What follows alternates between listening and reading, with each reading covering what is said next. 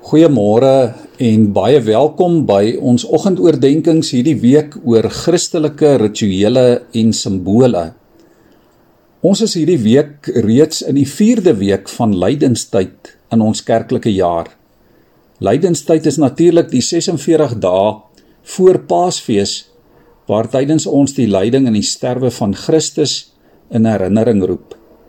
Hierdie is 'n baie belangrike tyd vir die Christelike kerk en dit sluit 6 Sondae in waar tydens daar spesifiek gepreek word oor Christus se lyding en die betekenis daarvan vir ons en vir die wêreld.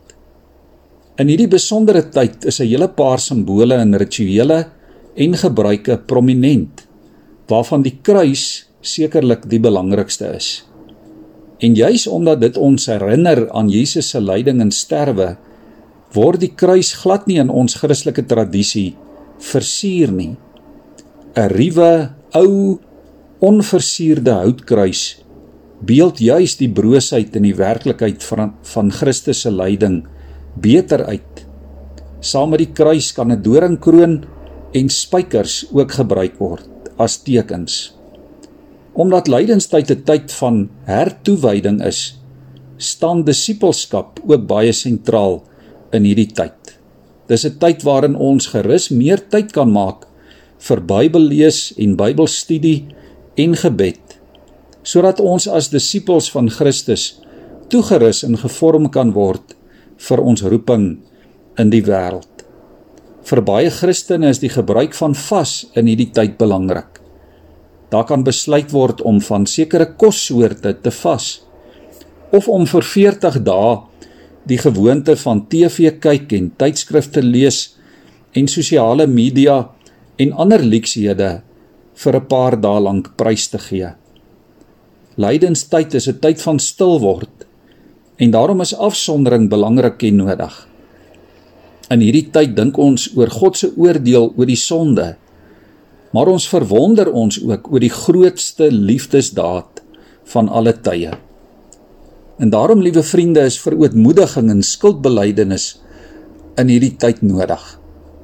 Dis 'n ideale tyd om te gaan regmaak met iemand wie jy dalk te nagekom het of om vergifnis te vra by iemand teen wie jy dalk verkeerd opgetree het. Van die heel mooiste kerkmusiek is lydensmusiek. Dit help ons om in hierdie tyd ingestel te wees op dit wat Christus aan die kruis vir ons gedoen het doen gerus moeite om na klassieke werke soos die Messias van Handel te luister of selfs na meer moderne geestelike musiek en verwerkings wat aansluit by die boodskap van sy lyding.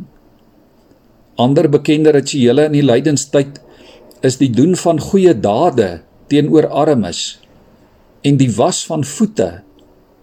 In sommige geloofsgemeenskappe was die lidmate mekaar se voete soos wat Jesus sy disippels se voete gewas het as 'n teken van diens en opoffering en lyding ter wille van ander. Ek lees vir ons 'n paar verse uit Johannes 13. Voor die viering van die Paasfees en kort voor die kruisiging was Jesus en sy disippels saam aan tafel Hy het toe van die tafel af opgestaan. En ons lees hier in Johannes 13. Toe het hy opgestaan, sy boekleed uitgetrek en 'n handdoek gevat en om hom vasgemaak. Daarna het hy water in 'n wasskottel gegooi en begin om sy disippels se voete te was en dit dan af te droog met die handdoek wat hy omgehad het. Toe hy hulle voete klaar gewas het, en sy boekleed aangetrek het en weer aangesit het, sê hy vir hulle: "Verstaan julle wat ek vir julle gedoen het? As ek wat julle Here en leermeester is, dan julle voete gewas het, behoort julle ook mekaar se voete te was. Ek het vir julle 'n voorbeeld gestel en soos ek vir julle gedoen het, moet julle ook doen. Dit verseker ek julle 'n slaaf is nie belangriker as sy eienaar nie en 'n gesant ook nie belangriker as die een wat hom gestuur het nie. Julle weet dit nou. Gelukkig is julle as julle dit ook doen. Kom ons bid vanmôre saam. Here, dankie vir tekens wat ons herinner aan hoe lief U ons het. Ons weet vanmôre, Here, dat dit nie gaan oor die tekens en die rituele nie, maar dat dit gaan oor die betekenis daarvan.